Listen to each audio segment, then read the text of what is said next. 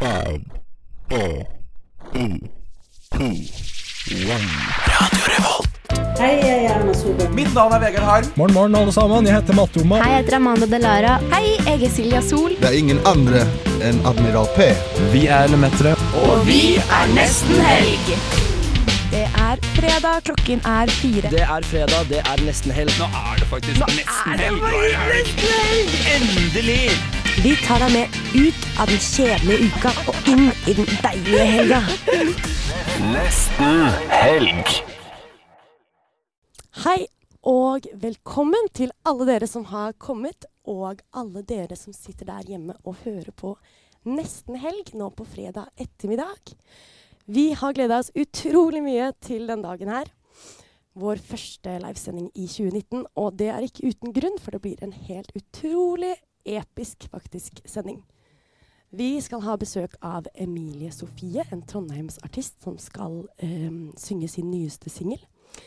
Og vi skal ha besøk av Improsjmimpro, som skal faktisk ha litt live-impro med oss. Og det skal være en konkurranse, men først av alt så har vi fått besøk av eh, Moddi. Um, er det OK for deg om vi bare kjører intervju med en gang? Ja, jeg, jeg er klar til å prate. Du er klar til å få Alltid klar til å prate. Så herlig.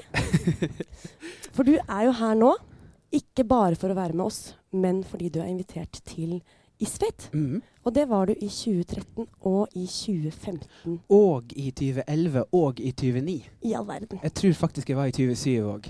Så det her er vel sjette gangen på rad, ja. Du er ordentlig ruttis, men hvorfor er du invitert tilbake igjen i år med tema eh, migrasjon? Altså, du må spørre Isfit om hvorfor de inviterer meg tilbake igjen og igjen. Jeg syns det er fantastisk at vi har en festival der, uh, der nesten ingen er med fra, fra, fra, fra en gang til den neste, sånn at alle tror de er kjempeunike og geniale når de booker meg. Mhm. Og er jo, jeg er jo bare drithappy, for det er den beste festivalen som er i Norge. Så eh, jeg ta, husker jeg ble kontakta for nesten et år siden. Ja. Og jeg visste allerede da at det kom til å bli kjempehektisk. Jeg skulle gi ut singel, og jeg skulle gjennom en operasjon i november, og alt var bare døden. Men allikevel så var, svarte jeg bare hurra!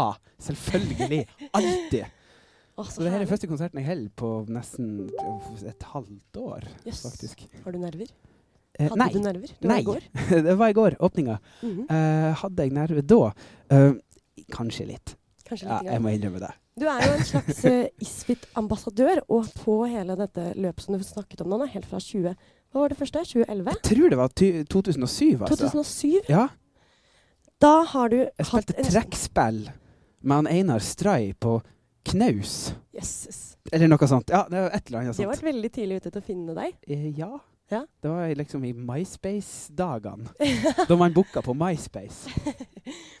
Men du har gått fra da å skrive om, kan du si kanskje store naturøyeblikk på Senja, eller i Nord-Norge, til å fortelle, eller gjenfortelle, uhørte og forbudte historier fra folk på, i urolige steder i verden. Kan du fortelle litt om den reisen der? Den musikalske reisen? Uh, litt og kort og, eh, og, og gæli, uten uten å gjøre det til ei bok, som det jo faktisk er. Um, Det var så- fin litt sånn snikkepromo. ja, men jeg skal jo på Selandrå etterpå ta-ta, for å prate om denne boka uh, i Isfit-regi, så det må være lov å reklamere litt. Uh, nei, eh,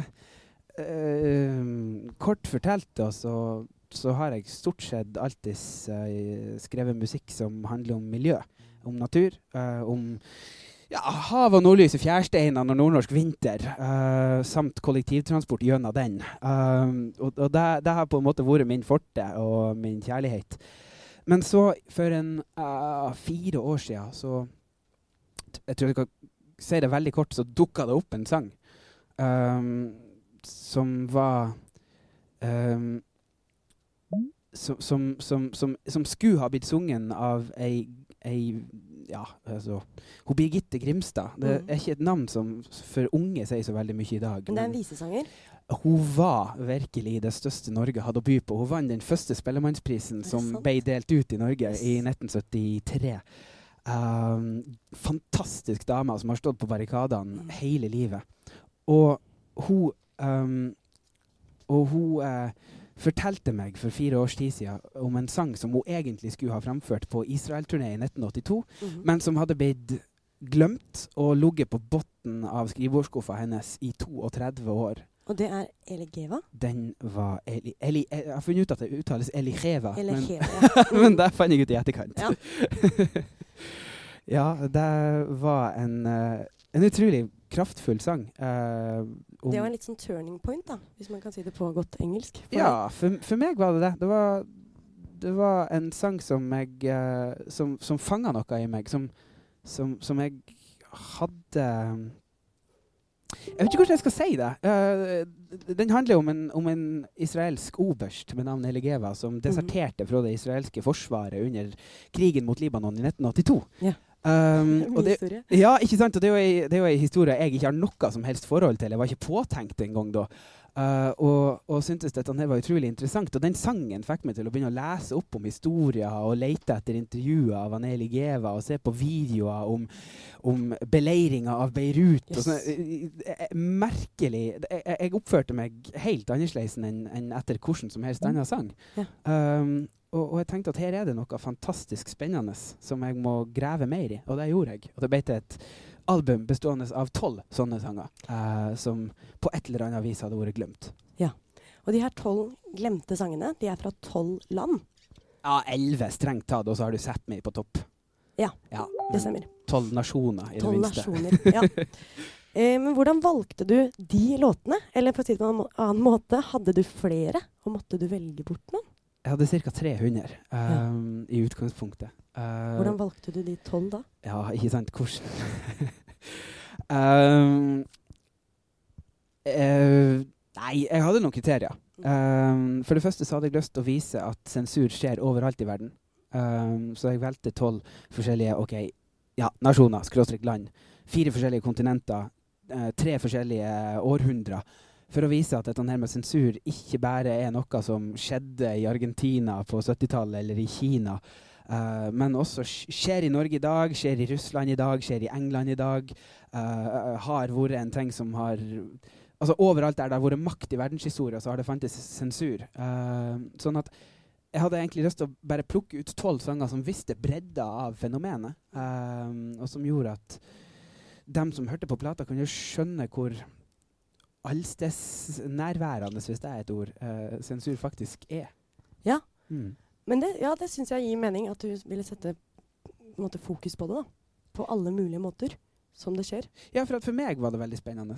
Mm. For meg som lytter. Altså, jeg hadde ikke snøring på at BBC hadde svarteliste. Jeg hadde ikke snøring på at Spania var det landet i verden etter Kina som fengsler flest, flest musikere. Ja, det vet jeg, jeg Eh, nei, man vet ikke sånt. Jeg visste ikke at musiker var den mest utsatte yrkesgruppa du kunne befinne deg i i Mexico, f.eks. Der drepes flere titalls musikere i året.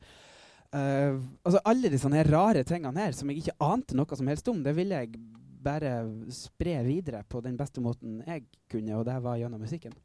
Vi skal snart høre på den Eli Geva, bare innspilt av deg. Ja. Mhm. Eh, men jeg tenkte på å spørre deg, eh, har det gjort noe forskjell? Altså Nå som du har vært som en ambassadør da, for alle disse tause stemmene. Eller som ikke har vært tause, de har jo faktisk sunget det, og så har de ikke fått lov til å, til å formidle det mer. Har det hjulpet? Gjør det en Åh, Oh, det er et stort spørsmål. Ja, det er det er et veldig stort spørsmål. Har det hjulpet? Um, Det er egentlig et ja-nei-spørsmål. Nei, men først så må man stille seg spørsmålet har det gjort noen skade. Ja. Eh, for, at det var veldig mange av de sangene her som var direkte skumle å gi ut. Mm. Uh, folk risikerte jo bokstavelig talt fengsel uh, pga. at jeg ga ut sangene deres på nytt igjen. Mm.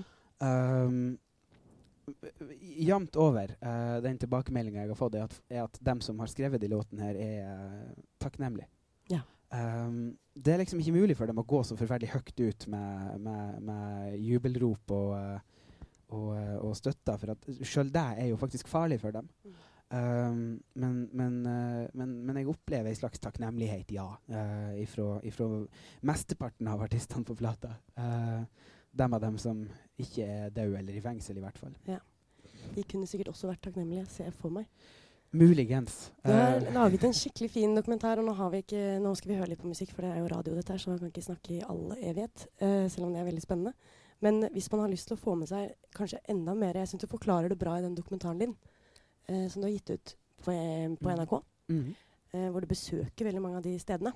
Så forstår man mye mer av hvorfor du syns det var viktig å, å lage de låtene, føler jeg. Føler dere at dere er klare for å spille litt musikk, eller der borte? Ja. Skal vi høre på Elegeva, da? Å, studentradio er så vakkert. Yes. Nå har vi fått enda mer publikum her live. Det er veldig kult å se at det har kommet så mange hit til Prisløs i folkens. Brattørgata. For en gjeng. For en gjeng. Fra 2007, så vi snakker om en Mm. eh, tolv års karriere. Ja, jeg har holdt på siden videregående. Ja, egentlig enda lenger. Altså mer enn tolv år. Ja, det var ikke så viktig. Jeg vet ikke, jeg husker ikke. Det er lenge siden. Jeg var ung og dum og begynte med musikk, og så har jeg bare ikke klart å slutte. Ja. Er veldig morsomt som jeg har hørt om det der, at du bodde i en sånn terminal, båtterminal, og spiste brokkoli som du kokte med vannkoker.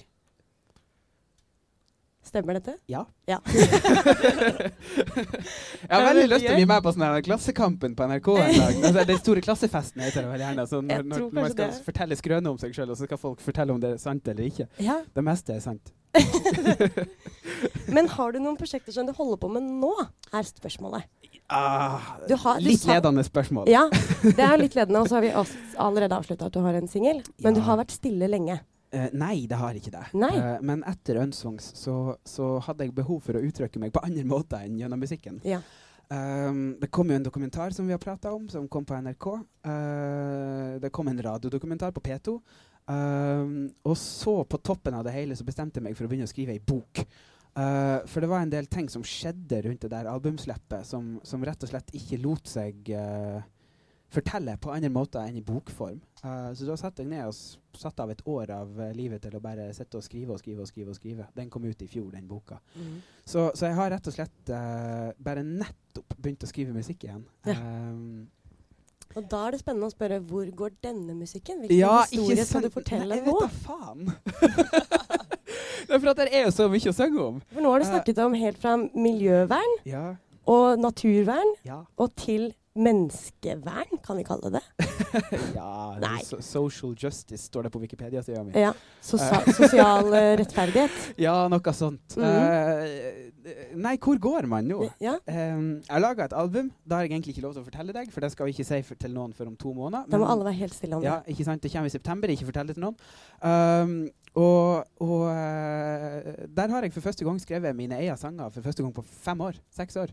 Uh, og og, og har jo lært, håper jeg, av det å synge sangene til han Victor Jara og Kate Bush, han Mm. Leo Chabot, han Viet Kang. Mm. Uh, og så albumet før der, da jeg sang tekster av han Helge Stangnes, Arvid Hansen og Ola Bremnes. Bare de beste folkene som finnes i hele verden, og så plutselig skal han like på å begynne å skrive sanger igjen fra dagboka si. Det er helt jævlig, men, men, men det har vært veldig fint, det òg. Ja. Ja. Men hva ble tematikken, da? Litt av hvert.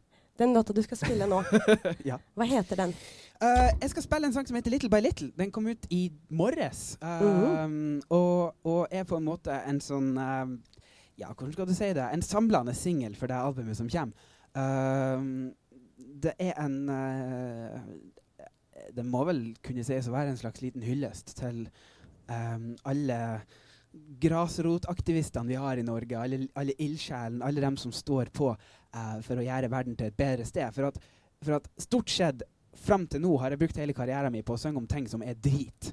Om, altså om, om, om, død og kjærlighetssorg og sensur, og om, om, om, om at Kina skal ta over Vietnam, og at, og at paven i Russland er en slemming. Altså, alt er bare ille Mhm. når jeg synger. Så, så jeg følte e- et veldig ansvar for å for en gangs skyld skrive en sang i dur.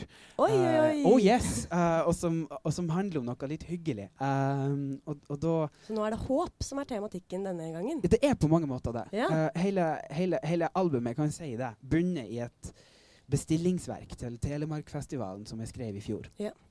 Um, ti sanger med utgangspunkt i det historiske året 1968. Um, det mest historiske året i verdenshistoria, som det har blitt kalt. Men det var et, dette var et veldig håpefullt år. Ja, nettopp! Ja. Og, og, og hele det albumet er rett og slett et forsøk på å gjenskape det håpet og den der gløden som var i musikken uh, for 50 år siden, og som, og som dagens artister har vel en del å lære når det gjelder det å skrive sanger som, som, som oppfordrer folk til å gjøre noe her i verden. Mm.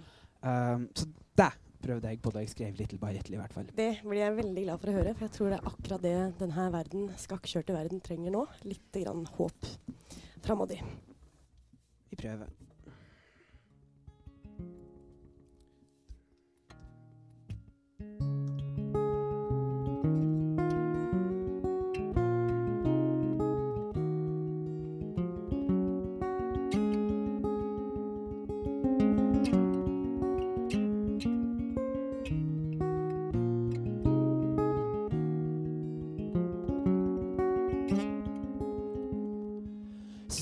Sometimes it feels like one makes no difference at all.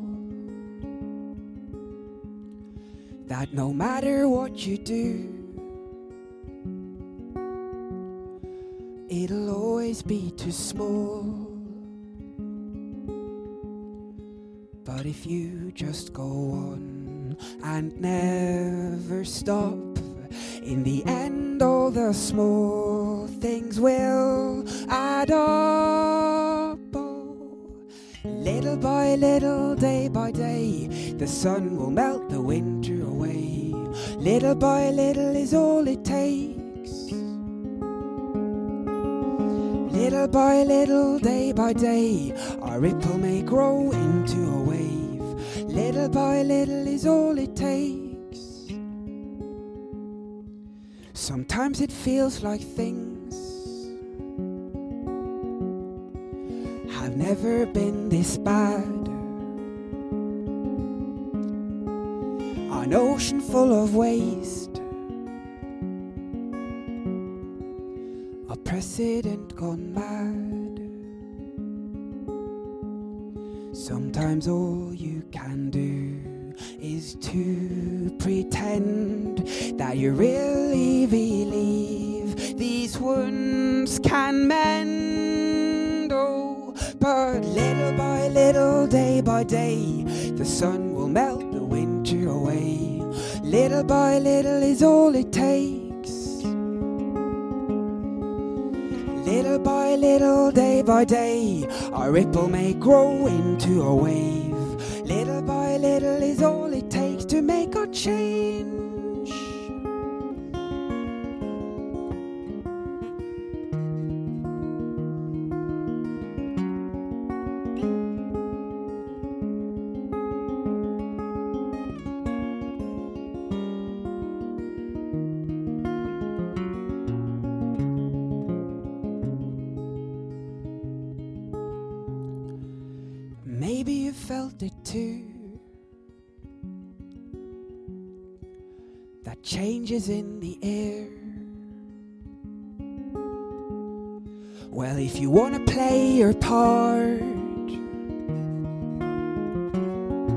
It has to start somewhere. To start somewhere.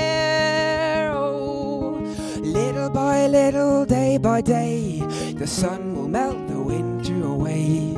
Little by little is all it takes. Hmm. Little by little, day by day, the river will wash the bedrock away. Little by little is all it takes to make a change.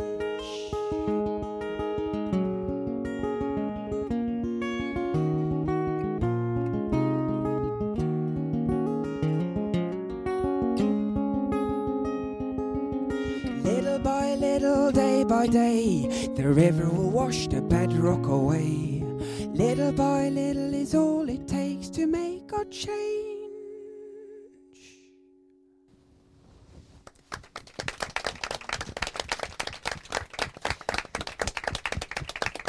Tusen, tusen, tusen hjertelig takk skal du ha, Moddi. Nå kjente jeg at jeg ble litt mer håpefull, jeg. Det er lov, det. Ja? Det er liksom, er liksom sånn Det å synge om håp og sånn og ha trua på ting og være optimistisk, det er liksom sånn ting som egentlig er litt kleint, tror Er jeg. det kleint? De fleste musikere syns i dag. Jo, kanskje du har rett. Ja. Å skrive i dur. Og skrive i dur. Og på, så på denne plata her så utfordra jeg meg sjøl til å Ikke, ikke utfordra meg engang. Jeg, jeg um, satt som kriterium at, at samtlige tekster skulle være så direkte og så jeg vet ikke, løsningsorientert at det på et eller annet tidspunkt skulle føles kleint. For da, da skjønte jeg at jeg hadde nådd det punktet jeg skulle være på, og så skulle på en måte musikken til enhver tid kompensere for det. Mm. Altså, altså, jeg har prøvd å ta utgangspunkt i at melodiene og, og, og, og, sangene skal være jævla fine. Um, og liksom løf, løfte det hele opp til et nivå der det går an å faktisk synge om håp, kjærlighet, trua på framtida, det å bry seg, uten at det blir sånn en eh, Blackulf-følelse. Ja. Altså, du veit. Nei, Jeg må si jeg gleder meg masse til den her nye, veldig hemmelige plata. Ja, som vi ikke har vet snakka om i det hele tatt. Nei, nei, huff.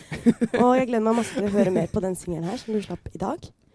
Og så må du ha lykke til. Og dere som har lyst til å høre mer om boka di, må vi jo bare anbefale å ta seg turen bort til Sellandrå klokka 19. Stemmer ikke det? Det tror jeg stemmer. Mhm. Ja. Da kommer både du og noen flere som er uh, fribypoeter. Mhm. Altså poeter som har måttet dra i eksil til Norge Mhm. for å få lov til å fortsette å skrive. Så det tror jeg blir veldig spennende. Det er rett etter sendinga vår, så da kan dere bare spasere opp til Søndre gate. Så ses vi der. Da ses vi der. Vi skal høre litt på musikk, og det første vi skal høre nå, er Juno med låta 'Mike' her i Radio Rev. Nesten helg på prisløs. Gjør et varp, kjøp kåpa til bestemora til Alvar for halv pris. Vi er på prisløs, og du hører på Nesten helg på Radio Revolt. Yes, da er vi tilbake her på nesten helg på Radio Revolt, og vi sender live fra Prisløs. Nå hadde vi akkurat Moddi inne i studio som spilte sin nyeste singel, og det var helt nydelig. Og etter det så hørte vi Juno med sangen Mike. De var jo hos oss i forrige uke. Ja, det Ja. stemmer. Dødskult band. Men uh, vi sitter jo her på Prisløs, og da tenkte jeg på en liten spalte vi kunne ha, som heter rett og slett Prisløs. Ja. Uh, fordi det er jo, vi lever i et materialistisk samfunn hvor alt har en pris. Så derfor vil jeg sette, eller finne ut da om vi kan sette en pris på alt, eller om noe rett og slett er prisløs.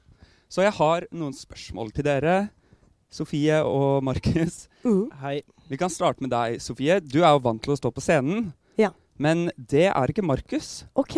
Så jeg lurer på hvor mye hadde du vært villig til å betale for å se Markus fremføre Let It Go i Elsa-kjole I Elsa-kjole! i Storsalen på Samfunnet? Åh, da må jeg si at det er ganske priceless. ja.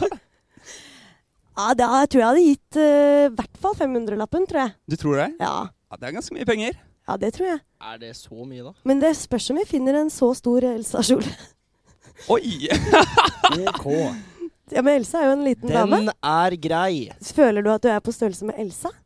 Kanskje Elsa føler hun er på størrelse med meg, da? Jeg tror Men- ikke det fins Elsa-kjoler i Altså, med voksenstørrelse. like Men. Frozen er jo en animasjonsfilm, så vi vet jo egentlig ikke hvor stor Elsa er. Hun kan være tre meter høy, for alt vi vet. ja. Hvem vet? Markus, er du klar for en, eh, et spørsmål? Hvis det er om vekten min, så nei. Men Det var ikke ment som en fornærmelse om vekten din, altså. Hæ? Det var ikke ment som en vektfornærmelse. Jeg vet, jeg bare fucker med deg. Jeg er klar for spørsmål. Yes. Du, uh, siden nå tar jeg litt på deres kvaliteter. da. Du uh, kan jo i hvert fall bruke en datamaskin, men uh, du vet at Sofie kanskje ikke er så god. Så jeg lurer Mm. på hvor mye hadde du betalt for å se Sofie holde Apple-konferansen og introdusere alle Apple sine produkter og deres spesifikasjoner? Oi. Um, oi. Fordi Altså, jeg tenker det er kjempegøy, fordi det er jo engelsk òg. Så da er jo det ekstra morsomt. Da måtte jeg snakke på engelsk. Ja, jeg tror det. Og det This okay. very new phone from iPhone is very special. Ok, um, men er det da sånn at hvis noe er priceless, så går det liksom ikke an å putte en monetær verdi på det fordi det er for bra? Uh, ja, det kan vi godt si, egentlig. Ja, for jeg vet ikke, det er, jeg har ikke planlagt så langt. Ah, ok. for da Jeg gir den priceless. Det har jeg hatt skikkelig lyst til å se. Da hadde det jo uh, Jeg tror det har ganske høy verdi, for det vil jo si at Apple hadde mistet all sin verdi. Ja. Altså, de ville gått konkurs med måtte, meg som, som, markedssjef. Men ikke hvis uh, Markus hadde betalt 400 milliarder. Ja, da hadde det gått jevnt. Så det hadde kanskje vært ja, ja. omtrent det, da. Må rundt 400 milliarder. Ja, jeg, jeg kan gi deg fire, 400 milliarder. Ja. Du, Markus. Ja. Du er jo eh, ofte på jobb. Og alle vet jo at du har lyst til å bli lege, men enn så lenge så jobber du i Leger uten grenser som Ja. eh, verver. Ja. Men det er ikke så langt igjen til du er lege. Nei, nei, det er bare Det er jo en hel legeutdannelse, da, men Nei, det er, jo, det er jo mer jeg må gå videregående på nytt og få karakterer og fag, og så kan jeg ta legeutdannelsen. Ja, Vi håper jo at du kan skippe, at du bare kan være med lenge nok. Men ja, av og til så tenker jeg at det kanskje ikke er så gøy for deg å gå den Leger uten grenser-runden. Nei, OK. Så dette er kanskje ikke så priceless, men hvor mye ville du ha gitt for at Alvar skulle gjøre det? Men kanskje han skulle gjort noe rart? Skal du snakke kanskje jeg skulle vært uh, godt for leger uten genser? Ja, At jeg ikke bar overkropp? bare overkropp og gjorde en sånn? Jeg tror du er den første som har sagt leger uten genser. Ja. Um, hvor mye hadde gitt for å se Alvar gå, dør, gå verve dør til dør? Hvis han hadde gått, gått til dør til dør, skulle hatt leger uten genser, men sier at han ikke har overkropp. Bare Oi. nekter for at han eier overkropp, så han må være for eh, Leger uten grenser. Det er jo ganske radikalt å nekte for. Da. Um, det, det hadde jeg sikkert gitt 300 kroner for å si. det var ikke så mye. 300 kroner? Da tror jeg ikke alle gidder. Ja, du vet ikke hvor desperat jeg er på penger. Sofie, det hadde jeg slått til på rappen. Jeg gjør hva som helst. for, 350, eh, da. 350. 350, ja, jeg kunne Ja. vært uh, enig i den. Um, ja, jeg er egentlig litt dum for uh, Men jeg lurer på en ting, fordi Ja. Sofie Ja. Alvar, du har jo vært litt sånn barnevakt siste ukene for en gjeng førsteklassinger på videregående. Ja, Og du nektet å sende snaps av de, selv Ja. om jeg spurte flere ganger. Markus skrev 'send snaps' av småripsa, så skrev jeg 'nei, jeg vil ikke bli tatt som den creepen som tar bilder av VG1-elever'. Det var ikke et ordrett sitat. Bare sånn. Jeg tror jeg er lovlig pålagt å si det. Men Sofie, Ja. hvor mye hadde du betalt for å se Alvar være barnevakt på heltid? På heltid! Ja. Alvar, Det er jobben hans. Alvar the nanny. The Nanny. Ja. For mine barn. For mine fiktive barn. Hvis, hvis du vil at det skal være dine barn, så kan vi gjøre det. Kan jeg velge noen fæle, fæle barn? Ja. Det var litt det jeg tenkte, da. Ja, for jeg tenker til vanlige barn så syns jeg ikke Da gidder ikke jeg å betale han. Nei, jeg ser jo, jeg ser jo den. OK, fæle barn, da. Hvem er fæle barna? Eh, s- Kim Jong-un. Sine barn? Nei, når Han! han, var sånn skal være barnevakt for han? Se for deg han han er sånn Når han var Jeg vet sånn ikke om han trenger Kanskje han gjør det. Han var sånn barnevakt for Kim Jong-un. da. Tenk å være barn en gang. Ja. um, Men hadde du betalt for det? Kan han gjøre noe litt sånn for det? det er Jeg skjønner ikke spørsmålet. Hva er det den du- jobben innebærer? Du må passe på han, da. Jeg tror han er sikkert kravstor type. Pass på sånn OK, ikke trykk på knappen, ikke trykk på atomknappen. Hold deg Ja, unna altså, den. sånn, Kim, nå må du prøve å være litt hyggeligere mot alle i landet ditt. Sånne ting. da, Sånn mentor, da. Sånn geisha. Jeg, Ja. jeg vet egentlig ikke. Jeg skjønner ikke Hvis jeg ikke kunne leken. gjøre det som en representant, for der er de ganske homofobe. Er det ikke det? Sikkert. Jeg regner med Ja, det. nå var det dårlig faktakunnskap i Er det noen som Panelet. vet om de er homofober i Nord-Korea? Det var det ingen som visste. Så vi tar Ja, OK. Hvis jeg, hvis jeg Den da som kan si hvis som han er det, samtykker. så regner jeg med Hvis du kunne, hatt, hvis du kunne vært i tillegg på en måte homoparade eh, Arrangør. arrangør Og, OK, så og Ja. har det her da endt med at han er barnevakt for Kim Jong-un og arrangøren av Pride, Nord-Korea? ja. Er det det vi sitter igjen med? Da kan jeg melde at jeg skulle hatt ganske mye Altså, Hvis jeg skal dø, så skulle jeg godt fått, fått godt betalt før det, i Ja, hvert fall. ble Ja, det hvor, hvor, mye, hvor mye skulle du hatt for å arrangere Pride Nord-Korea? Nei, og det er vanskelig. Jeg må ha nok til å uh, betale helt insane mye mange sikkerhetsvakter. Um, Ja. Kanskje ti millioner? Er det mye? Jeg vet ikke. jeg. Jeg, Vet ikke hvor Jeg mye vet ikke. Jeg vet ikke hvor mye jeg vet ikke hvor mye Pride koster å anlegge, liksom. Nei, jeg vet ikke hvor mye Pride-arrangøren får. Jeg har aldri egentlig. arrangert Pride, så det er ikke helt godt å si. Da sier vi ti millioner. Det var bra bud. Ja, jeg setter meg på det. Og da takker vi for dette prisløs-stikket. Ja, det var prisløst. prisløst. Nå skal vi høre litt mer uh, musikk. Vi. vi skal høre Kak Madafaka med låten Runaway Girl her i nesten helg på Radio Revolt fra Prisløs. Ja, hei, velkommen tilbake til Prisløs. Det er nesten helg, det er Radio Revolt, og det er livesending. Vi har fått inn et par nye gjester, vi, og har dere lyst til å introdusere dere selv, kanskje? Eh, ja, mitt navn er Niklas. Jeg heter Ola, og vi er fra Impro Schmimpro. Kult, veldig kult. Hva er Impro Schmimpro? Impro Schmimpro er en eh, det er improteatergruppe. Eh, vi er, I dag så er vi elleve personer. Og vi har eksistert siden uh, uka 2011, hvor uh, Samfunnets interne teater bestemte seg for å sette opp improteater. og så bestemte de som var med da, seg for å ta det uh, videre og fortsette med det. Og da begynte de egentlig ganske tidlig å spille på antikvariatet, som vi fortsatt gjør nå. Um, ja. Så spiller vi masse forestillinger rundt om i Trondheim. eh, På eh, Tyven har vi begynt å spille. Eh, Så skal vi spille ei stor forestilling under Isfit i Storsalen. Ja, veldig spennende. Men jeg tror kanskje vi må etablere litt spilleregler her. Fordi hva er egentlig improteater? Det er teater der man finner på ting i øyeblikket. Så man vet ikke hva som skal skje, som, hvordan forestillingen skal være, men man improviserer da samtidig foran et publikum. Mm, det er egentlig det det er. Ja, og så finnes det mange måter å gjøre impro på. Og vi gjør noen forskjellige formater, som vi kaller det. Som er liksom en slags innpakning for forestillingen. da. Og eh, det vi gjør eh, aller mest, er litt sånn fri eh, form for uh, improteater. Bar pro, eh, kan det kalles. Eh, og da er det masse små forskjellige scener. Og så har man eh, innimellom litt regler for scenen. eh, ting man skal gjøre eller ikke skal gjøre. Eh, og andre ganger kan man bare ta et ord for eksempel, fra publikum og bli inspirert av det. Ja, fordi jeg lurte på en ting. Eh, når jeg har prøvd improteater, så merker jeg at jeg syns det er Det er vanskelig, fordi man har jo en eller annen tanke om hvor denne sketsjen, da, eller det spillet, skal gå. Og alle har jo hver sin tanke om det. Eh, og for meg så var det litt vanskelig, men jeg ble bedre til det etter hvert. Men tar det lang tid å legge fra seg den? Fordi hvis noen sier noe, så må du bare med en gang Da må du legge din tanke for hvordan det går dør.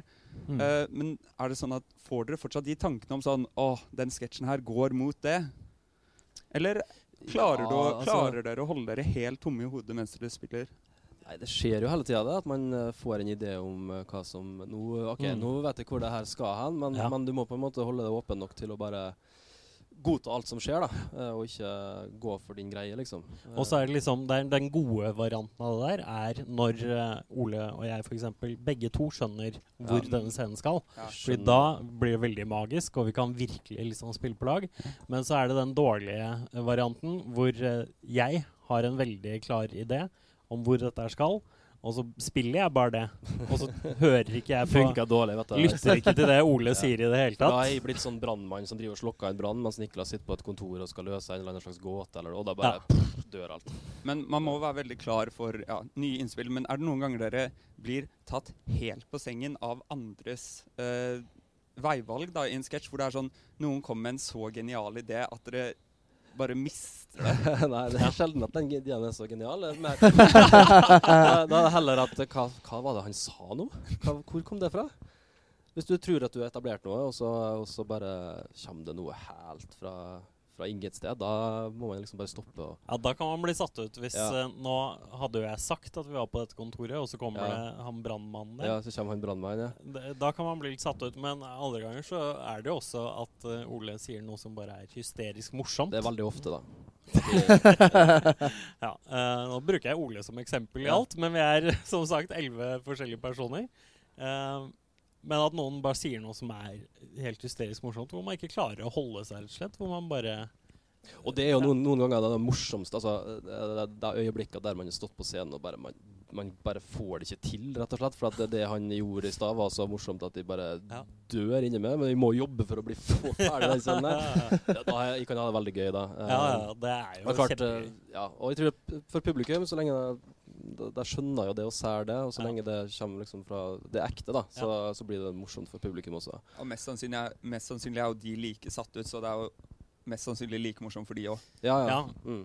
Jeg tror det er bare man ikke liksom Det skjer i hver eneste scene at vi er en gjeng som syns hverandre er veldig Ja. morsomme. For det er ikke så sjarmerende, Nei, det det- tror ikke jeg. Ja. Det er veldig bra sagt, Niklas. Tusen takk. Ja.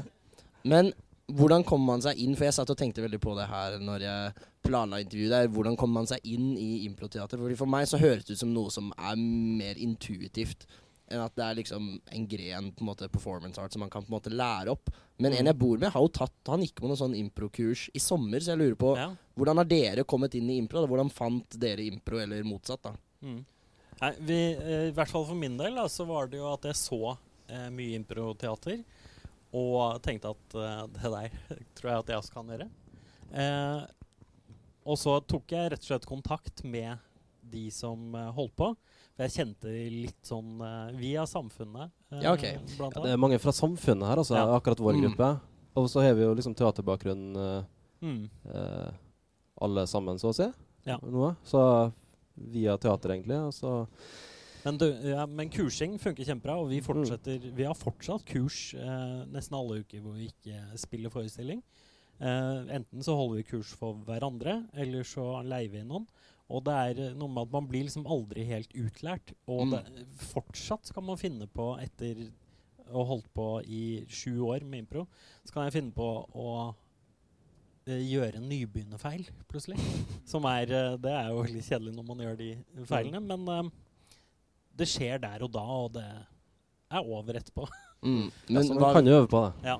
men Og hva vil en nybegynnerfeil i improvisjonsteater se ut som? Nei, det er vel hvis de sier for eksempel da, 'fin dag på stranda i dag'. Nei, det syns jeg ikke. Jeg syns det er kaldt. Ja, det er kald dag på stranda i dag. Nei, det er jo Se på solen som eh, kommer fram der. Ja. Da skjer det ingenting. Da Ja, står vi og krangler. ikke sant? Så, Så vi må på en måte si ja med en gang og godta den Mm. virkeligheten som blir bygd. Så det er jo en sånn nybegynnerfeil. Ellers Mm. så er det lett sånn ikke, Når du er midt i det, så kan du gjøre ting du ikke er bevisst på sjøl. At du alltid er negativ, eller at du alltid Ja. blokkerer ting. Eller ja, Mm. mange sånne ting. Ja. mm. Altså det snakker vi altså det, det er jo noe av det første man lærer seg når man holder på med impro også, er det der å si ja til alt. Mm. Og eh, det er riktig, men samtidig så trenger man ikke å ak altså, si ja, men å akseptere situasjonen og tilbudet som har kommet Mm. fra motspilleren. Mm. Og noen ganger så vil jo det å si ja være at eh, jeg reagerer veldig hvis du kommer med noe som er helt uh, idiotisk, uh, sykt, Ja. som en vanlig person ville reagert på, så er det kanskje Mm. naturlig for min karakter å reagere på det. Men da Mm. godtar jeg at han sier det han sier, da. Jeg bare avfeier det ikke, liksom. Nei. Ja. Og liksom sånn Ja. som det vi holdt på med her nå, kunne egentlig vært eh, eh, også en slags aksept. Bare at leken blir litt det at jeg er alltid uenig i det du sier. Ja. Eh, så ja. Det kunne vært leken. Det, hvis man har vært god på å finne fram det, da. Ja. Mm.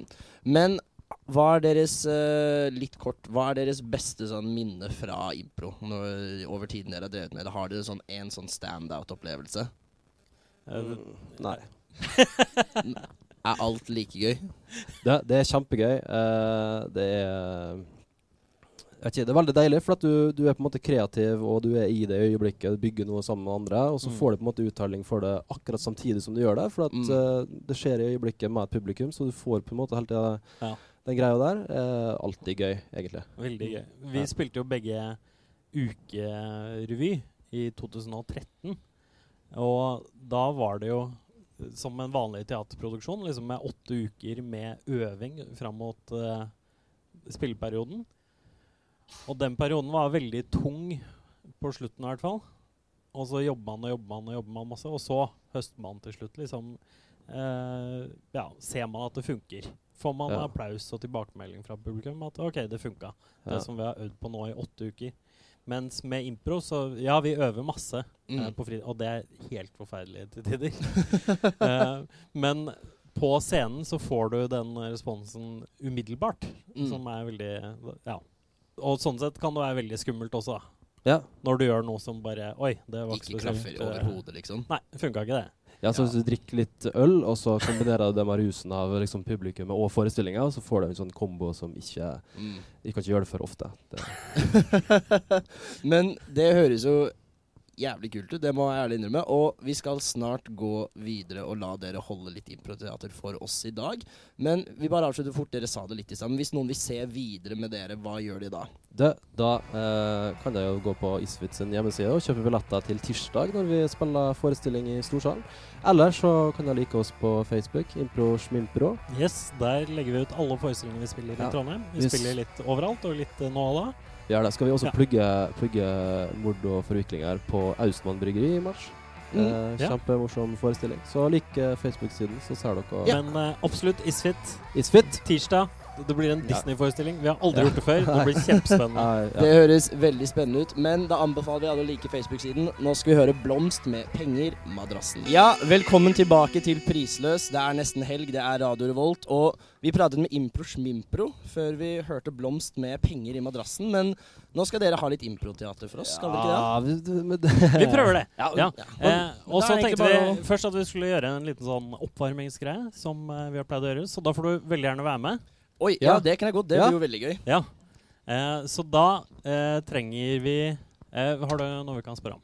Ja, eh, ok, Så vi trenger noen gjenstander som du kan finne i en eh, kommode i gangen, f.eks. Fra publikum. Eh, så noen gjenstander du kan finne i kommoden. Hva som helst. Nøkler. Refleks. Skoskei. Dagbok. Ok, Nydelig. Da kan vi spille sex med meg, da. Yes. Og det her altså, er en sånn lek som uh, kan vi gjøre hjemme, kan gjøre det på byen, hvor som helst.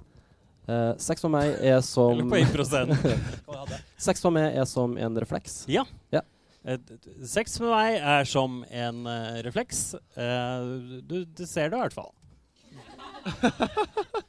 Ja, sex for meg er som en refleks. Uh, Bussjåfører gir det ut gratis. Nei? sex for meg er som en refleks. eh, du blir i hvert fall sett. Nei? Ja, det var veldig likt det jeg sa, bare. Ja. Det var en eh, Ja. gjenbruksvits, da. Ja. Ok, Men eh, sex for meg er som dagbok, da. Sex for meg er som dagbok. Eh, da jeg var i ungdomstida, så gjorde jeg det helt på egen hånd. Ja, Mens nå gjør du det samme med andre? Ja, nå- ok, ja. Uh, okay. sex med meg er som en uh, dagbok. Uh, det er mye grums der, altså. Eh, Sex med meg er som en dagbok. Av en veldig rar lærer fikk jeg beskjed om å gå hjem og gjøre dette. Skrive om det. Ja. ja, ja, ja. Er det noen, eller? Hæ? Det, det er vanskelig altså, Det tar Ja, litt tid å jeg, komme jeg, inn jeg, prøver, jeg prøver å komme på, Ikke sant? på, hva, på, kons- på hva reglene er, holdt jeg på å si. Ja. Ok, Men jeg hørte en i stad. Kan jeg starte en, da? Ja, start en, da. Ok, Sex for meg er som nøkler. OK. Yes. Sex for meg som nøkler. Sex for meg som nøkler kan låse opp eh, dører. Eh, Sex for meg er som eh, nøkler. Eh, vaktmestere har aller flest av det. Har, har mye av det. Ja, mye har av det, av ja, det. ja. Du har mye sex med vaktmestere, det du sier? Ja. Eh, Riktig. Okay. Men det er sex på meg, da. Vet ikke, Skal vi bare ta det der, eller? Vi tar det der. vi tar det der. Uh, ja, Uh, men så tenkte vi også at kanskje skal vi improvisere bare rett og slett ei, ei scene for dere. Ja. Det funka, det? Det høres kjempegøy ut. Ja. Så da vil vi bare liksom ha et ord eller ei setning fra noen i publikum. Hawaii. OK, Hawaii.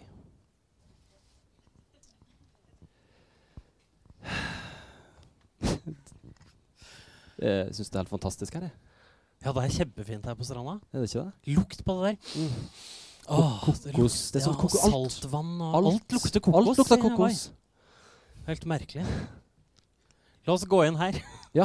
Ding-ling-ling. Hola. Mahalo. Hei. Ja, hei. Eh, du Nå gikk kompisen min ut, han. Nei, nei, jeg var bare bak her. Ja, OK.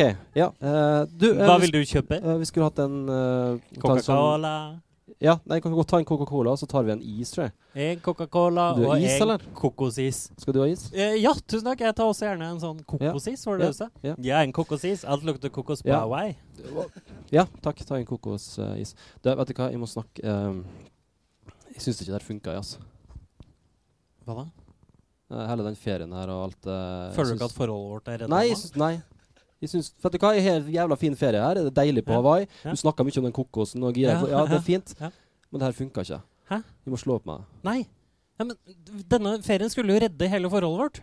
Ja, men jeg har ikke gjort det, ikke sant? Du har jo ikke Men jeg har jo kjøpt kokosis, kokosolje og Jeg er så jævlig lei av kokos! Det er faen meg det eneste du snakker om.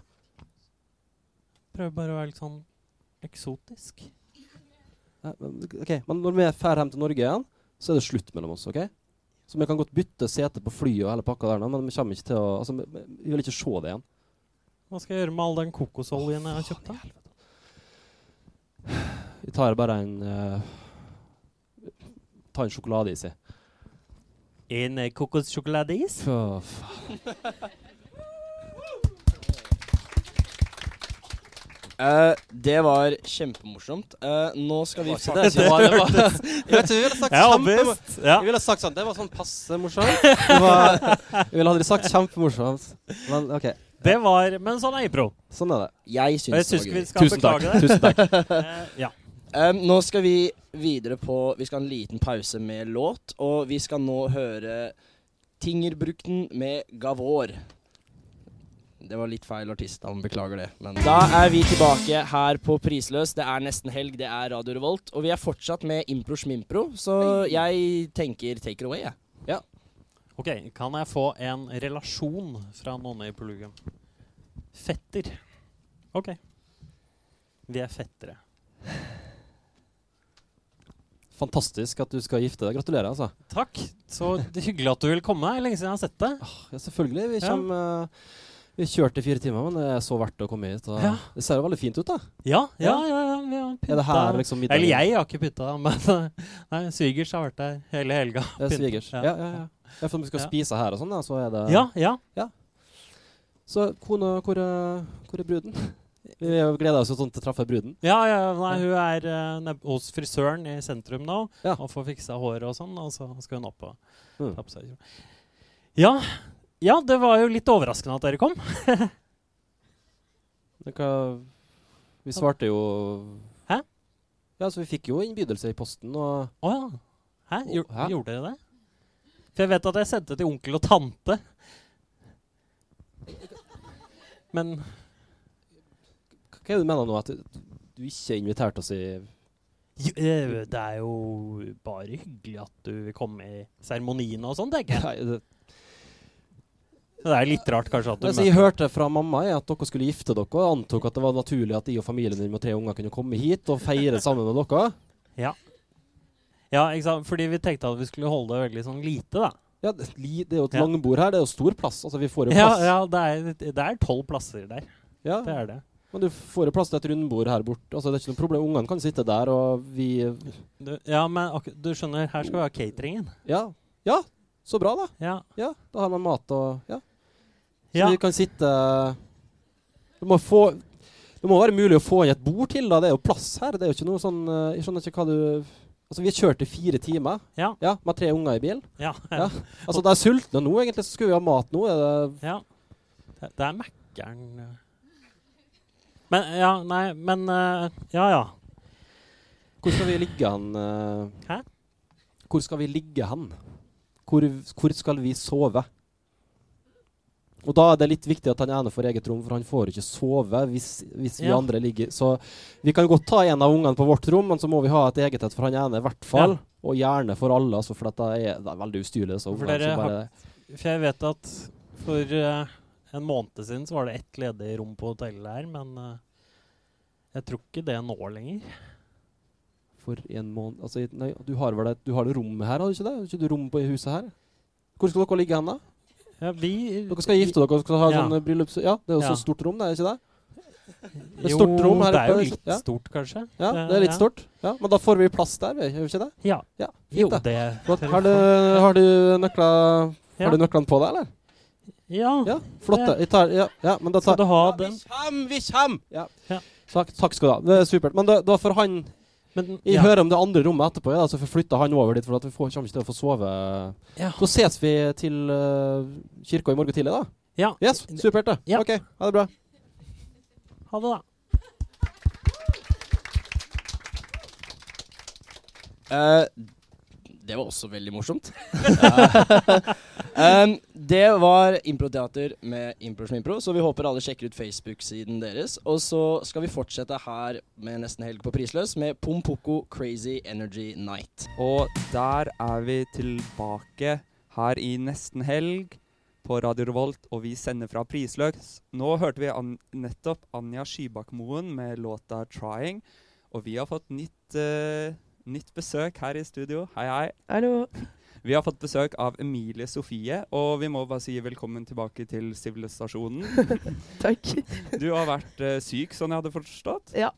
Så hvordan er det å være ute blant folk igjen? Ja, det er deilig. Deilig å møte noen igjen. Men uh, det var litt dårlig timing. Hvordan er det å være syk Fordi du ga nettopp ut en ny uh, singel. Ja. I går. ja, Hvordan er det å være syk uh, akkurat oppi det hele det rabalderet der? Ja, det var sånn, Jeg sto opp, eh, lagde klar Facebook og Instagram og sånt, og la det ut. Og så sov jeg litt, og så sto jeg opp litt seinere og la, la ut noe mer. Og bare sjekka hva folk sier og sånt. og så, så la jeg meg. Ja. Fordi jeg ville være klar til å komme hit. Ja, det er så veldig hyggelig å høre.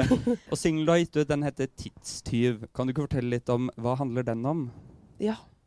Det, uh, jeg, jeg, skrev den når jeg var på Træna på sånn visefestival for mange år siden. Uh, så fikk jeg låne en gitar, og så syntes jeg det var kult. Og så uh, Kule riff, kule gitargreier. sant? Uh, og så er det egentlig bare en kjærlighetssang til det å være i et ett øyeblikk. Altså ikke tenk på alt det andre. Mm. Ja, for det, den handler jo litt om at vi kan ikke gjøre noe med tiden. Den bare ruller videre og går ja. uansett. Men noen ganger så må man bare være til stede akkurat i det øyeblikket du snakker om. da. Mm. Jeg tenkte på det her uh, coveret til, uh, til denne Tidstyv. Ja. Det er et veldig søtt bilde av en liten jente som står i en veldig kul pose. Ja. Hvem er den lille jenta? meg. Ja. Hvorfor har du valgt det bildet der? Du, jeg, var, jeg hadde jo sånn her julekalender før jul der jeg drev og ga ut, nei, ga ut, la ut et gammelt bilde hver dag på Instagram og Facebook. Det er veldig gøy. Ja, det, mange syntes det var kjempegøy. Og så fant jeg det bildet da, akkurat i den tida jeg drev og lagde coveret til Tidstyv. Så var jeg sånn Hei, men dette er litt gøy, fordi den heter Tidstyv, og han Ja, altså om tida, og at jeg vil at den skal stå mer i ro, egentlig. Um, Syns du at barn er de som er flinkest til det? Det var et bra poeng. det har ikke jeg tenkt på. da fikk du poeng der. Ja. Det er jo en evne man mister litt etter hvert som man går. Man hører liksom alltid voksne sånn 'Å, nå må vi leve i øyeblikket'. Mm. Mens barn tenker jo ikke det. De bare gjør det. Ja. Men uh, du kommer med en ny EP. Ja. Den kommer i mars, gjør den ikke det? Jo. Kan du røpe noe om den? Jeg, jeg fikk miksa den i går. Au. Så jeg har ikke fått tid å sende de til mastering ennå, men uh, skal gjøre det i løpet av helga. Men den kommer? Den kommer. Da Vi skal være så heldige at vi skal få høre Tidstyv live her i nesten helg. Ja. Men uh, jeg lurte på, siden vi nå sitter på Prisløs, som er en vintagebutikk, uh, mm. så lurte jeg på gjenbruk. Er det noen ganger at du finner liksom én ting å skrive en sang om, og så føler du at den her ideen her, eller den vinklingen var så god at du gjenbruker den til en annen sang noen gang? Um, det vet jeg ikke. Altså, jeg tror nok at jeg bruker mye av det samme tingene, ordene, i låtene mine. Uh, uten at jeg gjør det bevisst nødvendigvis, men at jeg er glad i spesielle ord, og så da, da tar jeg de på nytt. Ja. Og så har jeg fått hørt det noen ganger at jeg bruker noen ord veldig ofte, så jeg prøver å begrense meg litt. Jeg kjenner meg igjen i det. Jeg husker når jeg hadde sånn engelskpresentasjoner på skolen, så hadde jeg noen ord jeg var veldig stolt av. Mm. Som fikk jeg beskjed av engelsklæreren min Vi vet du kan det ordet nå. Kom opp med noe annet. Men gjenbruker du tematikk også? Nei, det tror jeg ikke. Nei, Der er du mer sånn på Da må du skrive noe nytt. Ja, men siden jeg ofte skriver veldig hva det heter, kryptisk, så er det ikke sikkert man skjønner hva den virkelige tematikken bak en låt er. Uh, så, så, det kan jo virke som om det er samme tema da, på flere av låtene. Ja.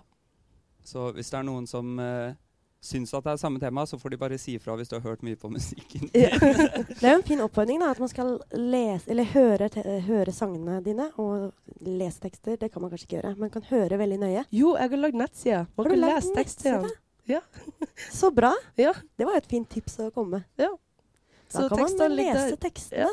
På nettsiden som er emiliesofie.com. Yes! Dritlett. uh, sist du besøkte Nesten Helg, var i november. Og da fikk vi høre den singelen du nettopp hadde gitt ut da. Mm. 'Reisefeber blitt spilt live'. Det var helt nydelig. Du har en stemme som ja, i hvert fall rører meg, og jeg vet den rører Sofie også. uh, så vi gleder oss veldig til å få høre din nyeste singel live. Først skal vi høre en annen låt. Vi skal høre Vampire Weekend med låta Harmony Hall her i Nesten Helg på Radio Revolt. Nesten helg på Prisløs. Gjør et varp, kjøp kåpa til bestemora til Alvar for halv pris. Vi er på Prisløs, og du hører på Nesten helg på Radio Revolt. Det stemmer det. Vi hører på Nesten Helg, og fra en låt til den neste så skal vi nå få høre Emilie Sofie spille sin helt ferske singel 'Tidstyv' live for oss her på Prisløs. Vær så god.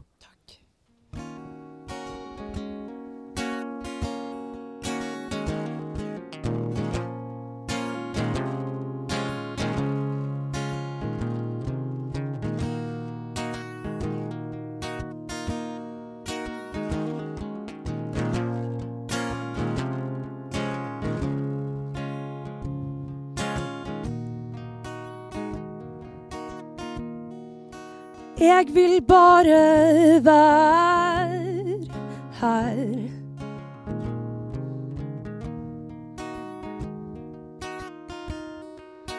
Alltid være med deg.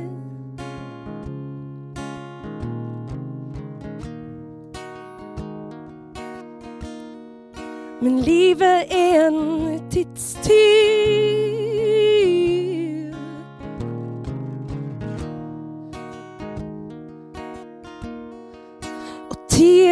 Er nye.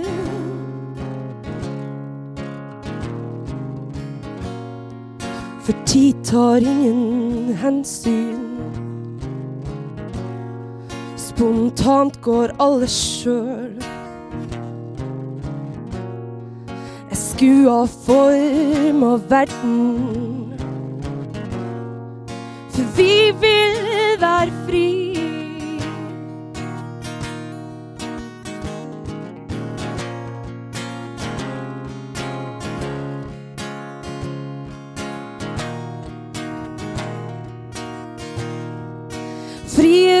gloire fluide.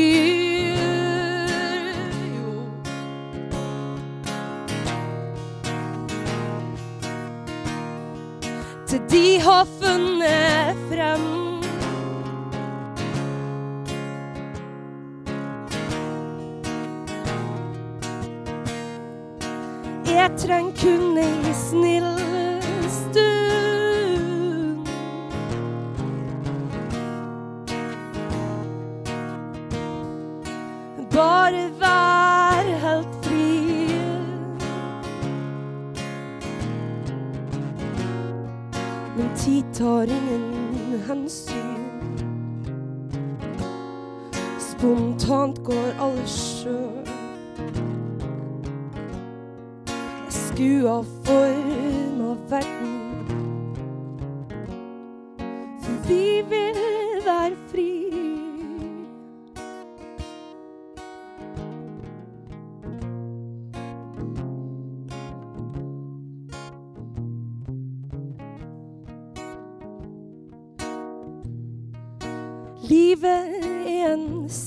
social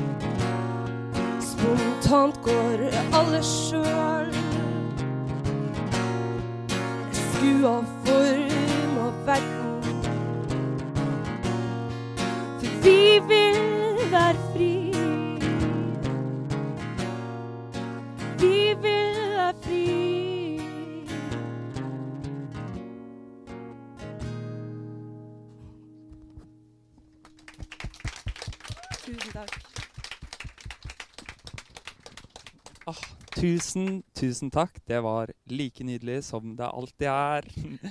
Og gratulerer med ny singel. Og det kommer ny EP i mars. Og hvis du vil varme opp til den, så kan man da høre på musikken din og samtidig se på tekstene på emiliesofie.com. Var det ikke det?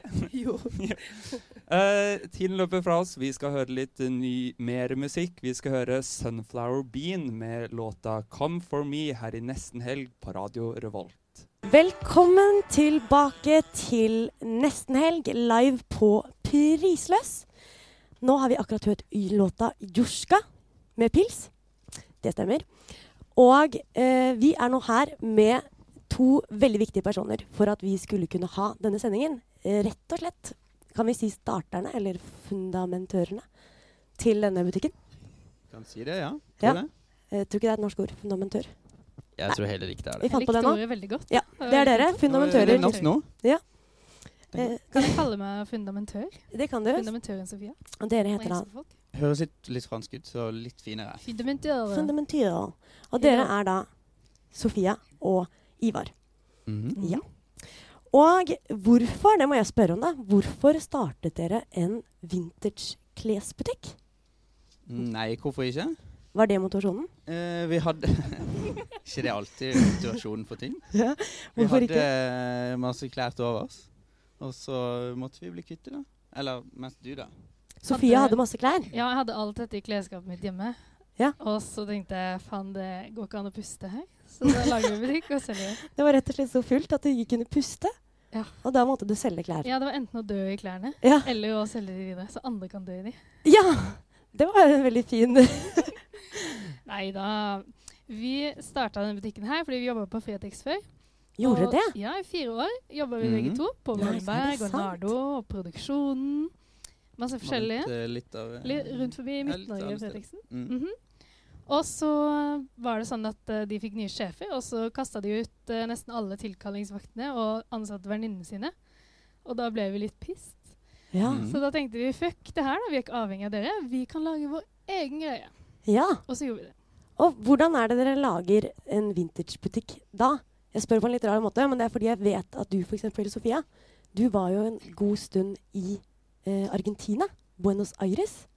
Ja, det har Ja. du også vært, Sofie. Der har jeg vært eh, ikke og bodd, men du, du, du bodde der. Du bodde der. Jeg bodde der litt. Du bodde der litt. Um, da var vi allerede i gang med markedet. Ja. Og jeg hadde vært i Cape Town og blitt superinspirert av alle butikkene der. Vintagebutikker, vintagemarkeder. Så dro jeg til Buenos Aires, og der var det bare enda mer av det. Og da ble vi med i en gruppe som heter Vintage Affair, som hadde en gang i måneden markeder med 30 forskjellige selgere og konserter og hjemmelagde drikke. Og det var bare en fest, en folkefest. Så Ja. jeg tenkte herregud, vi må ta det her med til Trondheim. Kan ikke bare fortsette å dra til utlandet og oppleve det. Veldig, veldig spennende. Vi sitter jo i en hel masse kule Vi sitter faktisk i masse kule klær. Og de har, vi har det rundt oss, på en måte. Eh, og nå etterpå så skal vi ha en vintage-konkurranse. Så vi har fått tre deltakere som heter Sigrid Eller dere kan jo kanskje, hvis dere kommer til meg, så kan dere få si hva dere heter. Kom, kom, kom. Sånn, ja. Hei, jeg heter Sigrid. Knut. Karina. Og sann, dere tre dere skal da være med i en konkurranse som er på denne måten her. Dere får nå omtrent en eh, Jeg vil tro at det blir en eh, ja, fire-åtte minutter, kanskje, til å finne klær. Eh, og det kan dere gjøre mens vi har eh, intervjuet nå. Resten av intervjuet. Eh, og så skal dere få lov til å ta på dere de klærne. Og så skal Markus og Alvar være de som kårer det beste outfitet. Og så har jeg hørt fra dere, Sofia og Ivar, at det blir eh, faktisk premie. Ja, jaså? Det har jeg hørt. Mhm. Vi liker også veldig godt å redesigne og sy om av brukte tekstiler. Så vi har sydd et lite bærenett til dere av en Mhm. 90-tallsgardin. Uh, det blir veldig spennende. Um, men vi var i Argentina, ja. Og da sa du at dere begynte med markeder. Og det har vi, se vi har sett dere på markeder også. På Bakkefestivalen og på andre festivaler også. Ja, vi har vært eh, rundt om hele byen, egentlig. Eh, det begynte med at vi bare eh, spurte kafeer om vi kunne være der. Og så fikk vi heldigvis lov til det masse steder. Og så bare gjorde vi det, og folk eh, likte det veldig godt. Men hvorfor flytta dere inn i butikk? Nei, det var veldig stress å flytte rundt på alle disse klærne hele tiden. Så vi ville ha et sted. Eh, Hvor de var. mye plass. Vi hadde ikke plass i kjelleren. Det lå tøtt ut av alle skuffer og sånn. Jeg liker å se for meg hvordan dere har bodd med klær ut av alle Ganske- skuffer og skap. Litt sånn som her, da, egentlig. Og det er koselig. Bare halve plassen. Vi bor egentlig her, da. Jeg glemte visst å si. Men de som er nå ute og driver og leter etter klær, de skal jo da finne det hippeste hippe, og det er jo det vintagebutikker ofte uh, har da i seg, er det som er hipt kanskje til og med før man vet det. Så hvordan klarer dere å finne den moten som skal bli kul, som skal bli kul? Nå er jo heldigvis eh, Trondheim litt treg av seg, så eh, Sofie er jo en rev på internett. Så det å bare følge litt med som hva som skjer i Oslo og rundt om i Europa, så har du, er du litt på forhånd allerede. Ja. Og det som er så fantastisk, er jo at eh, trender går i sirkler. Så hvis vi bare finner et eller annet, så kan vi satse på at det blir trendy Mm. snart. Ja. Har dere noen tips? Hæ? Kan jeg spørre om det? Er det noen tips om hva som kommer? Apropos dette med at det går i sirkler. Ja, det blir jo kanskje mer tips hva vi håper at folk kommer til Ja, det var lurt av dere å tipse det sånn, for da kan det jo være at det blir en trend, siden Ja, dere sier det. Ikke sant? Mhm. Skinnjakker. Kom og kjøp skinnjakker. Veldig populært snart. Skinnjakker blir det nye. Tilfeldigvis på tilbud nå. Ja, det er på tilbud også, ja. det er veldig bra tips. Eh, og apropos tilbud, så har jo dere en, eh, et, en event, eller et arrangement, i morgen, som da er eh, japanske og engelske skatter. Mm. Mm. Og da, hvordan har dere fått tak i de her japanske og engelske klærne? Har dere vært eh, der? Nei, vi har ikke fått anledning til å være der sjøl, men vi har et, eh, et sånt stort lager som vi bestiller fra. Eh, og de har veldig mye fine ting. Eh, og ja, av japanske ting så får vi bl.a. noen veldig fine kjoler og kimonoer. Eh, og dressbukser. Er det mer? Det var vel det i første omgang. Ja. Og så blir det mer sånn en del sånn litt standard vintage-ting, da. Som med jeans og mm. dongerijakker og sånne ting. Og alt dette her er på salg, eller? Nei, det, det, det er ikke på salg. Det, Det er er, ikke bare, bare at det er nytt. Altså. Men det er salg i morgen også? Nei. Det så ikke sånn ut. Det er ikke Det noe salg. har vært salg. Det har vært salg. Vi rydda lageret vårt for fire år tilbake med Ja. masse, masse, masse klær. Det er salg da- som at vi selger. Da. Ja, Ja. ja, sånn ja. Det er det. Ja. det, det de blir salgt, solgt. Mm. Ja. Jeg håper det. Mm. For jeg har vært her, jeg var her forrige uke, og det, det står liksom litt Crazy Bananas vintersalglapper er her nå. fortsatt litt crazy bananas. Er det litt som er igjen, eller er det too ja, late? Ja, nei, nå, eh, nå kom jo dere, så da måtte vi rydde vekk. Så da forsvant det. Mm. Kanskje det blir tatt opp i morgen. Dere får komme og se. Bra tips der. Men eh, nå har jo Nå skal vi snart høre litt musikk, så de her eh, Ja, de prøverne, de er i gang og finner og finner. Ja. Spennende. Spennende, spennende. Um, da skal jeg bare spørre før vi skal høre litt mer musikk, hva skjer videre? Skal dere uh, holde på med mer omsøm, med nydesign, eller skal dere utvide? Eller skal dere kanskje få inn barneklær, interiørartikler? Hva skjer? Mange gode forslag her. Ja, ja. Kanskje du også er en eh, Hva var det du kalte det? da? Fundamentør? ja, hva skjer videre, Ivar? Eh, nei, det blir mer av det samme. Og så har jo vi alltid en del ideer til ting. Nye ting vi kan sy. Ja. Vi har nemlig et samarbeid med en fantastisk illustratør som heter Vilde. Hun driver da og maler og silketrykker. Ja, illustrerer det- på det- plagg. Plagga våre. Så det er en, et samarbeid der. Så har vi også et samarbeid med noen som heter Yasime, som uh, har gått sømskole i Oslo. Yes. Uh, og da driver vi syr om klær vi ikke får solgt, eller syr eh, konstruerer og syr fra bunnen av Jøsses. av brukte tekstiler. Jeg kan jo Mm. markedsføre bitte lite grann at jeg sitter med en sånn type omsøm-artikkel. Det gjør du Nå. faktisk. For de som er her og ser på, da, så har jeg på meg en gardin i dag. Mhm. Den har blitt til en veldig fresh jakke som Beatles sikkert hadde bitt og sparket for å få henne Kanskje vi skal sende den til Paul McCartney? Det kan du gjøre, eh, hvis ikke jeg kjøper den først. Oh, oh. Ja. Men nå skal vi høre litt eh, deilig musikk. Dette blir da Louis Cole med 'Weird Part of the Night' her i nesten helg på Radio Revolt live på Prisløs. Velkommen tilbake til nesten helg live på Prisløs. Og nå har jo vi satt i gang en konkurranse. Jeg ser veldig pene mennesker eh, foran meg. Ja, det er nydelig syn, altså. De var pene til å begynne med, nå er de enda penere. Kledd opp i prisløs. Yes, eh, vi kan vel Skal vi bare begynne, eller? Ja. nå er det jo dere to som skal uh, vurdere. Ja, Hvordan vi... er det dere vurderer? Først så tenker vi jo vi må se på plaggene de har valgt hver for seg, og så blir det jo da kombinasjonen av plaggene. Eh, og så er jeg litt interessert i Ja, vi kan kanskje få førstemann opp. Vær så god. Hei, hei. Uh, hva heter du? Knut. Yes, Og hva er det du har valgt å kle deg i, Knut? Jeg har valgt å kle meg i sånn her uh, kåpe. Den ser litt sånn Cruella de Ville ut. Uh. Ja, litt Ja, det er mer mange sånn. Jeg tenkte egentlig mer på Macclemore. Ja, Ja, men, ja, ja. ja, men du, jeg ser den, altså. Absolutt. Og så er det en bukse her som er valgt, men den var egentlig for liten. Og så har du Den sitter et, som et skudd. et frekt lite tørkle også. Ja, det var dama mi som valgte, da. Og så har du en veldig hipp skjorte. Ja, den skjorta her, den syns jeg var veldig kul. Med sånn mønster. eh. Yes. Ja. Ja, Litt sånn cowboyaktig. I blått Ja. og ja, men jeg får også litt sånn cowboy-vibes. Litt sånn swaggy cowboy. Er det litt skinn helt øverst der? Eh, ja. Frekt lite skinn. Ja, det er litt sånn der semska skinn på toppen. I mønster. Men Det jeg syns er så fint med vintage, er jo at klærne har vært eid av noen før. Og så lurer jeg på Alt det du har valgt ut nå, hvilken versjon er det du ser for deg egentlig at du er nå? Er det en cowboy? Har du kledd deg opp som en person, eller har du bare kledd deg opp som din indre sjel? Jeg tok bare de klærne jeg syntes var kule, Ja. som jeg bare intuisjonen valgte. Nå har ikke vi fastsatt det, da, men Markus, er det sånn at vi skal gi karakterer, Vi må høre litt om de andre klærne først, skjønner jeg. Ja, jeg tror det. Ja, la oss få høre på Tusen takk til Knut. Bra, Knut. Og nå har vi fått Karina. Og du har valgt å kle deg i Ja, her er Jeg fant eh, den buksa som er tilsvarende jakka som Sofie har på seg, da. gardinbukse. Ja, og den var så utrolig fin. Den jakka så jeg med en gang at uh, bare Oi, den var skikkelig fin. Og så så jeg wow, buksa som hører til, henger der borte. Så da måtte jeg ta på meg den. Veldig Eh, fin. I masse, den er burgunder Ja. med blomster i, Med i rosa og blått og Jeg er veldig glad i blomster, da.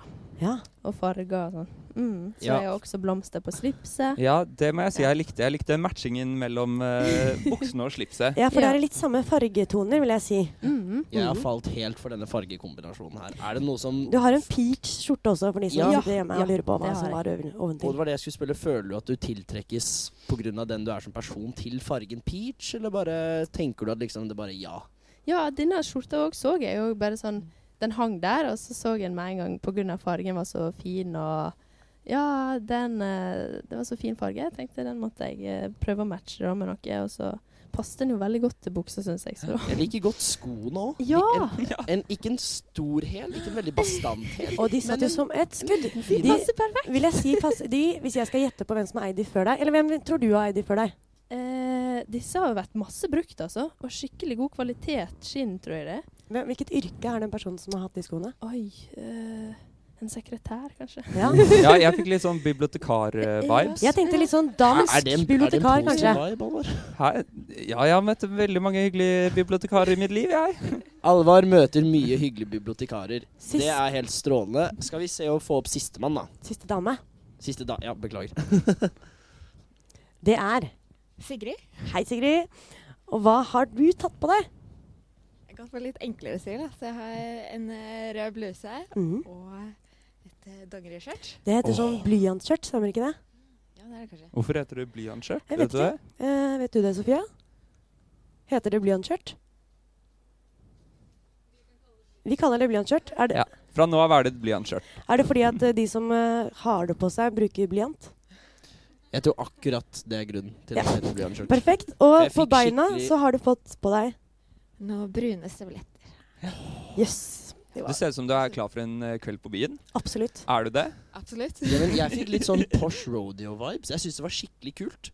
Sånn square dance-opplegg, hvis du skjønner hva jeg mener. Ja, jeg ser for meg Sigrid og Knut kunne Ja, De ja, kunne men- eid en ranch sammen. Ja, men ikke sant? Det er, det er ranch-eierne som skal ut og ta square dance i den lokale byen. Så um, jeg rater den derre gi ha av ti. Så skal vi rett og slett begynne å bedømme, eller? Alvar? Ja, da må vi bare få, kan vi bare få vinnerne, rett og slett? Eh, ja, er det vinneren ned, eller vinneren? Vi, eh, vinneren, mener jeg. Oi, oi, oi. Eh, dette her blir vanskelig. Vi må ta hvem av dere. Så må dere ja, vi kan begynne med Markus. Hvem altså, Hvem syns du har kledd seg best? Altså, jeg likte alle sammen. Det er, eh, jeg syns alle sammen har prestert på veldig forskjellige måter, men alle har prestert veldig bra.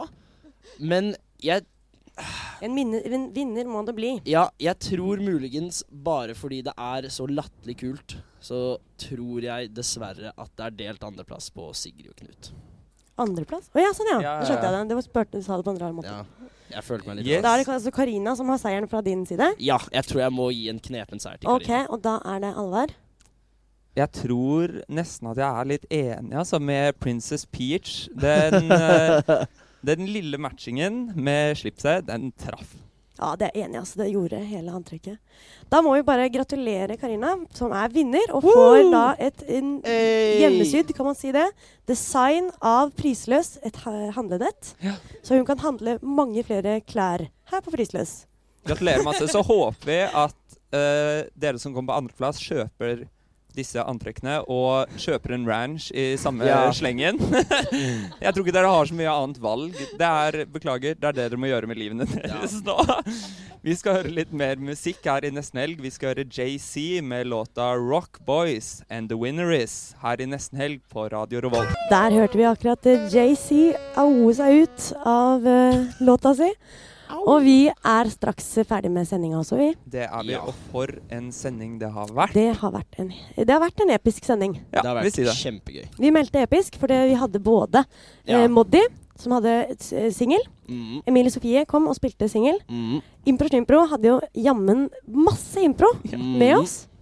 Og vi har hatt nå helt på tampen en konkurranse i vintage-klær. Ja, og det var kjempegøy. Og vi håper eh, dere som har vært og sett på sendingen, har kost dere. Og vi håper dere som har hørt på hjemmefra, også har kost dere på denne fredagskvelden før helgen setter inn. Mm. Det har vært så gøy. Men da er det rett og slett sånn at det kanskje er på tide å si uh, Det er vel egentlig bare én Farvel. ting å si da. Adjø. farvel, farvel. Min venn adjø. Da skal vi høre Vi låta Nokia, Nokia 105 av Tøffel. Og da sier vi i kor, vi. God- En- God helg!